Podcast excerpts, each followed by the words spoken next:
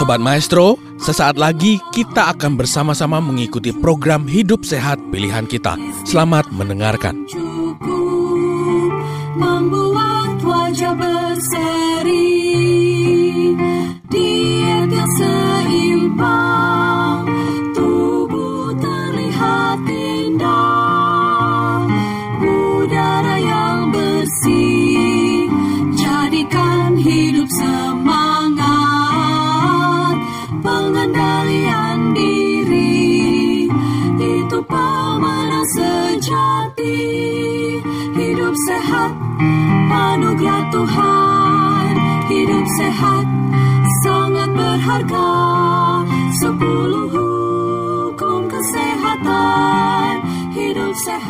Wahyu 22 ayat 4. Dan mereka akan melihat wajahnya, dan namanya akan tertulis di dahi mereka.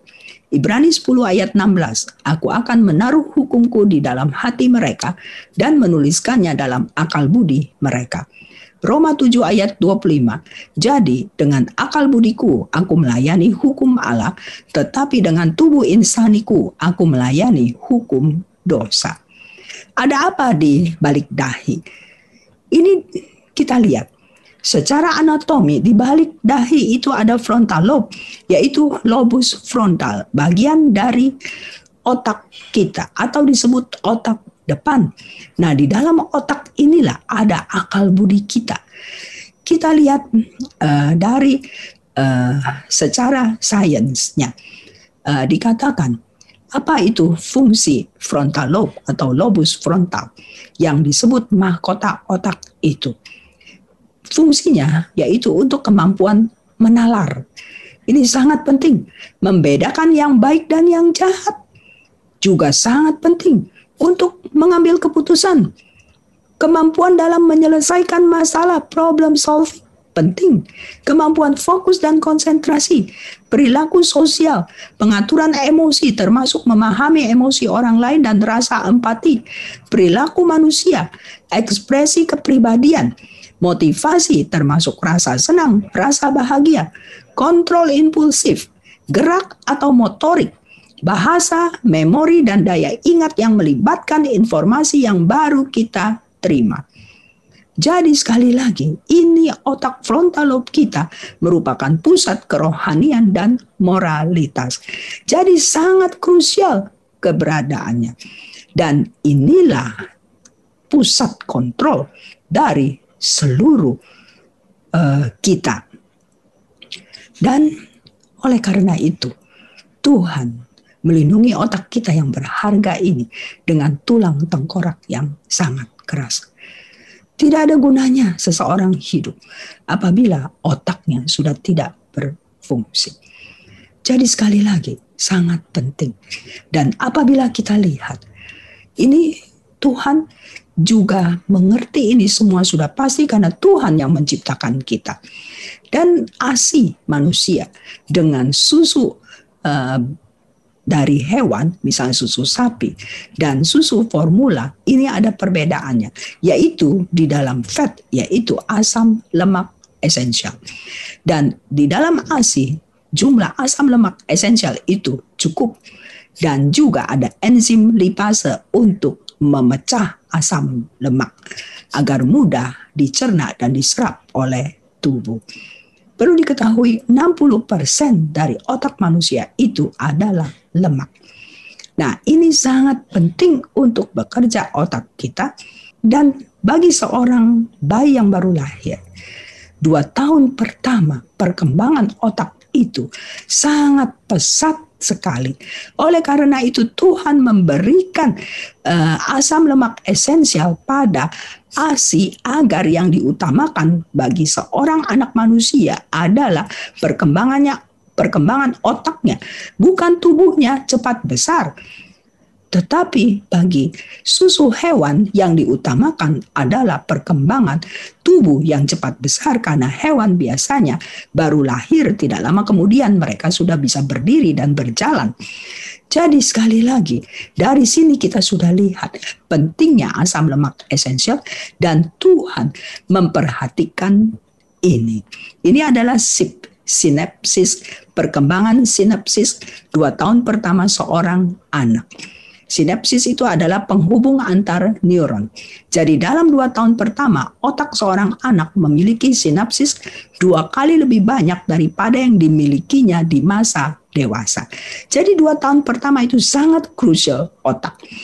Itulah sebabnya Tuhan memberikan ASI dengan kecukupan uh, asam lemak esensial yang sangat dibutuhkan otak untuk berpikir. Jadi sekali lagi, makanan sehat membuat otak sehat. Dan tidak mungkin rohani kita bisa sehat jika otak tidak sehat. Karena untuk membedakan kebenaran dari yang salah, diperlukan otak yang sehat untuk berpikir. Setan tahu ini semua. Jadi target setan menguasai otak kita, merusak otak kita supaya dia bisa menguasai pikiran kita Wahyu 12 ayat 9. Dan naga besar itu si ular tua yang disebut iblis atau setan yang menyesatkan seluruh dunia. Kita sudah tersesat terhadap makanan-makanan modern yang beredar di dunia ini. Kemudian di dalam 2 Korintus 4 ayat 4, yaitu orang-orang yang tidak percaya, yang pikirannya telah dibutakan oleh ilah zaman ini. Sehingga mereka tidak melihat cahaya Injil tentang kemuliaan Kristus yang adalah gambar Allah. Kita lihat, pikirannya telah dibutakan jadi memang untuk menguasai pikiran, untuk menguasai seseorang, kita butuh menguasai pikirannya. Apabila pikirannya sudah kuas dikuasai, kita mudah mengendalikan dia. Setan menggunakan selera kita untuk mengendalikan kita. Otak kita sehat, rohani kita seharusnya juga sehat. Kita lihat Esau kecanduan makanan. Dia tidak pernah mengendalikan selera. Jadi pada waktu dia pulang berburu, dia lapar, dia mencium bau makanan enak yang dimasak oleh adiknya. Dia langsung ingin dan tidak bisa mengendalikan seleranya. Dia mau saat itu juga sehingga dia rela menukarkan hak kesulungannya yang sangat berharga. Kejadian 25 ayat 32. Sahut Esau, sebentar lagi aku akan mati. Apakah gunanya bagiku hak kesulungan itu? Dan kita lihat setelah itu Esau menyesal. Kejadian 23 sorry, kejadian 27 ayat 34. Sesudah Esau mendengar perkataan ayahnya itu, meraung-raunglah ia dengan sangat keras dalam kebedihan hatinya, serta berkata kepada ayahnya, berkatilah aku ini juga, ya Bapak. Berapa banyak dari kita kecanduan makanan, sehingga kita seperti Esau, meraung-raung, menyesal, semua sudah terjadi tidak bisa kembali lagi. Sehingga warisan kerohanian kita hilang. Iman dan selera. Makanan sehat membuat pikiran sehat dan juga membuat iman yang sehat. Your plate determines your faith. Piring Anda menentukan iman Anda. Mungkin saudara bertanya, makan apa? Sudah pasti makanlah makanan yang memberikan nutrisi dan kesehatan bagi otak. Jangan makan makanan yang merusak otak. Sekali lagi, sekali otak kita rusak, gampang sekali bagi setan untuk mengendalikan kita. Selain makanan, kita perlu tidur cukup agar otak kita sehat. Kita juga perlu minum cukup agar otak kita sehat karena 70-80% dari otak kita terdiri dari cairan. Kita juga perlu olahraga dan juga kita perlu uh, bacaan yang sehat termasuk firman Tuhan. Tapi saya sulit melakukannya. Saya nggak suka makanan yang sehat. Sekali lagi, saudara-saudara, Tuhan sangat peduli dengan kita Tuhan sangat peduli. Tuhan sudah memberikan kepada kita di dalam firman Tuhan apa saja yang perlu kita makan pada waktu Adam uh, baru diciptakan. Tuhan memberikan mereka menu yang kita bisa baca di dalam kejadian 1 ayat 29 dan kejadian 3 ayat 18.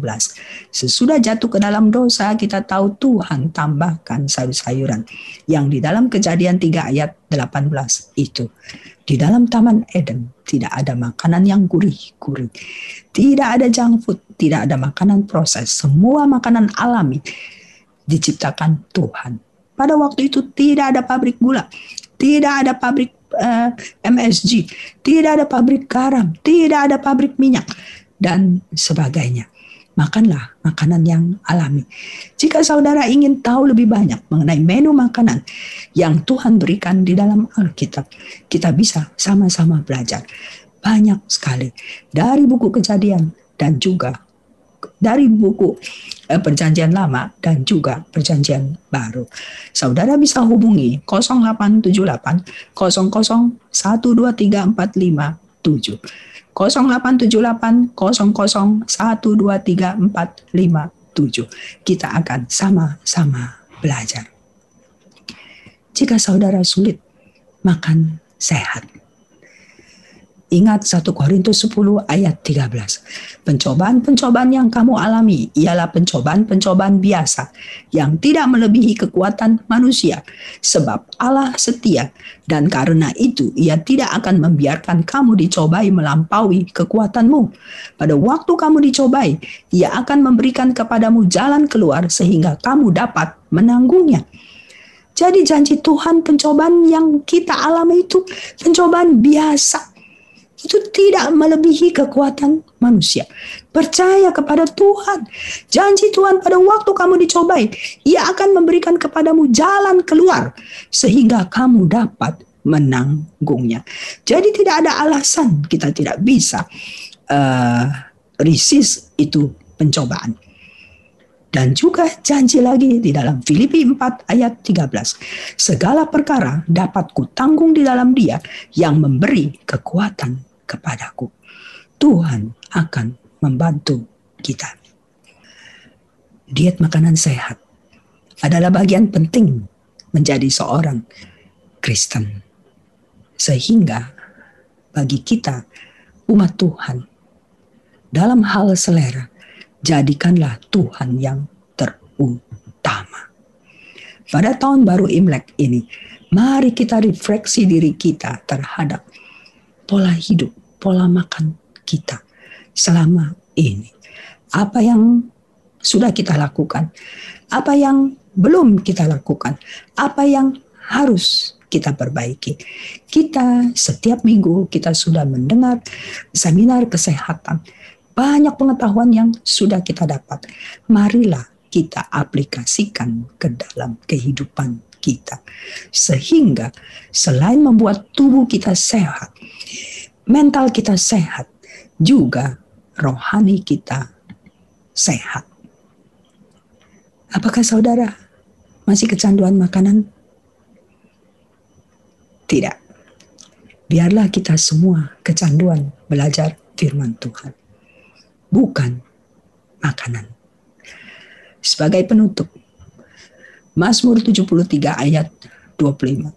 Siapa gerangan ada padaku di sorga selain engkau. Selain engkau Tuhan, tidak ada yang kuingini di bumi ini. Semoga saudara-saudara semua sehat, jasmani, mental, dan rohani. Tuhan Yesus memberkati kita semua. Amin. Sobat Maestro, Anda baru saja mendengarkan program Hidup Sehat Pilihan Kita. Terima kasih atas kebersamaan Anda.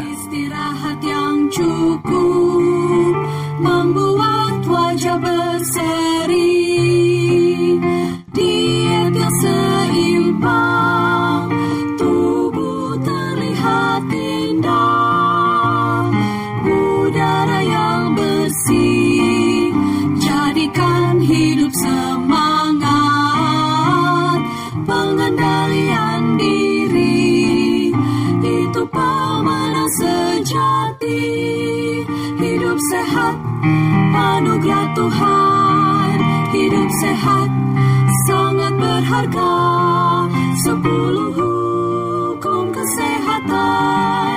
Hidup sehat